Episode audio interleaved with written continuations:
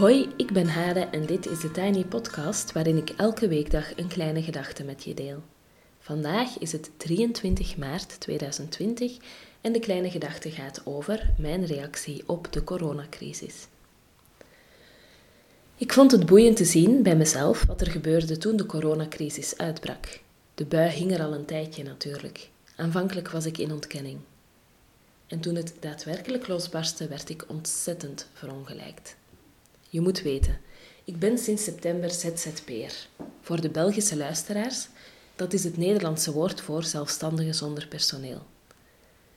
Ik heb twee bedrijven. De Tiny Office, waarmee ik als organisatieadviseur werk aan vruchtbare conflicten, inclusieve besluiten, echte gesprekken en authentieke verhalen, onder andere op basis van mijn opleiding in Deep Democracy, waarvoor ik, waarover ik later vast meer zal vertellen. Naast de Tiny Office heb ik ook de Artist Way Online, waarin ik cursussen faciliteer op basis van het bekende boek van Julia Cameron om mensen te begeleiden in het terugvinden van hun inspiratie. Ook daar vertel ik later vast meer over. Mijn twee bedrijven hebben nog maar weinig vlees op hun botten. Wegens te jong, wegens uiteraard veel geïnvesteerd. Het ging net lopen en toen brak de coronacrisis uit en werd de ene opdracht na de andere afgezegd. Beduust zat ik boven mijn optimistische lijstje met opdrachten en bedragen dat ik een week eerder zo trots had gemaakt, omdat ik voor het eerst een maand inging waarin ik mijn eigen broek zou kunnen ophouden.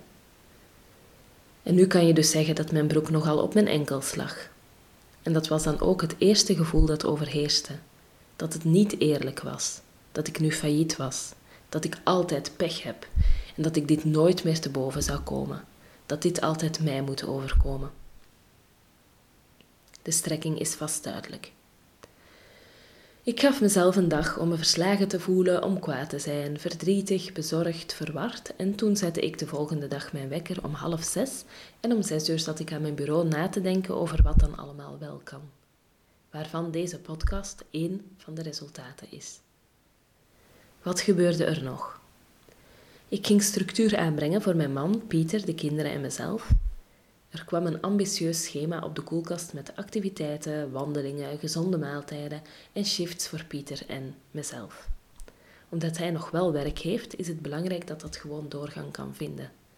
Dat betekent dat ik van zes tot kwart voor negen werk in de ochtend, van zeven tot half tien in de avond, van zes tot veertien uur dertig op vrijdag en van zes tot negen op zaterdag en zondag. Zo gepland. Uiteraard is de proof of the pudding de eating en op dag 3 bleek al dat het erg ambitieus is om productief te willen zijn om 8 uur s'avonds als je al om 5 uur 30 uit bed was. Training lijkt niet te helpen, dus het schema behoeft wat schaven. Next. Ik werd creatiever. Alle dingen die normaal door zouden gaan, werden geschrapt. Adviesgesprekken, workshops, vergaderingen, lessen, cursussen. Dus ik bedacht wat ik dan nog wel kon doen deze podcast maken, bedacht ik. En die online cursus die ik ontwikkeld heb en vervolgens verstopt, toch maar eens opgraven en aanbieden. Dat vind ik ontzettend spannend, dus wordt vervolgd. En tenslotte, en in die fase zit ik nu, werd ik empathisch. Ik bedacht plots hoe dit moet zijn voor pakweg kinderen met een onveilige thuissituatie, of voor mensen die eenzaam zijn. Ik ben blij dat het die kant op evolueerde bij mezelf. Mijn eerste reactie, samen te vatten met arme ik, was niet bepaald iets waar ik trots op was. Maar ik liet de reactie wel bestaan en gaf het ruimte. Om me heen zie ik allerlei reacties. Niet in het echt natuurlijk. In de realiteit zie ik vooral mijn kinderen, die erg tevreden lijken, en mijn man. Ik bedoel dat ik op de socials allemaal dingen voorbij zie komen. Eerst en vooral zijn er de arme ikken, zoals ik aanvankelijk. En alle begrip daarvoor. Vele mensen zien nu hun levenswerk in duigen vallen, hun koffiebar failliet gaan, hun burn-out versterkt worden doordat, de doordat ze plots thuisonderwijs moeten geven aan drie kinderen. Ten tweede zijn er de opgestoken vingertjes. Mensen die zelf heel strikt alle, alle regels toepassen en het idee hebben dat er mensen zijn die het nu nog altijd niet snappen en hen en hun geliefden in gevaar brengen door hun onverantwoordelijk gedrag met een opgeheven digitale vinger en allerlei leuzen, categorie blijft in uw kot, wordt er flink gepolariseerd.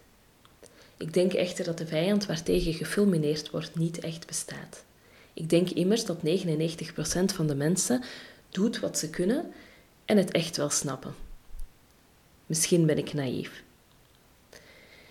Ten derde zijn er de goeroes die nu lessen gaan spuien over dankbaarheid, je gedachten managen, een spirituele routine opzetten om mentaal gezond te blijven en meditatie voor coronatijden. En tenslotte zijn er de dapperen. Zoals de man van mijn favoriete koffiezaak die monter een door mij besteld pakje koffie kwam brengen en vertelde dat het best leuk was om een keer bij mensen thuis te komen. Of mijn vriendin Judith, die een mooie actie opzet waarbij Haarlemmers vlaggetjes met wensen en steunbetuigingen aan haar kunnen bezorgen. Na deze crisis zullen de vlaggetjes wapperen in de stad, als teken van overwinning, als hulde aan de werknemers uit vitale beroepen, als steun aan zij die hebben geleden en herdenking. Nee, wees gerust. Ik ga je niet vertellen dat je je best moet doen om bij de dapperen te horen. Waarschijnlijk ben je de ene dag een arme ik, de andere een goeroe, de volgende dag een opgestoken vingertje en dan weer een stapper. Net als ik. En daarmee zijn we aan het einde gekomen van de Tiny Podcast voor vandaag.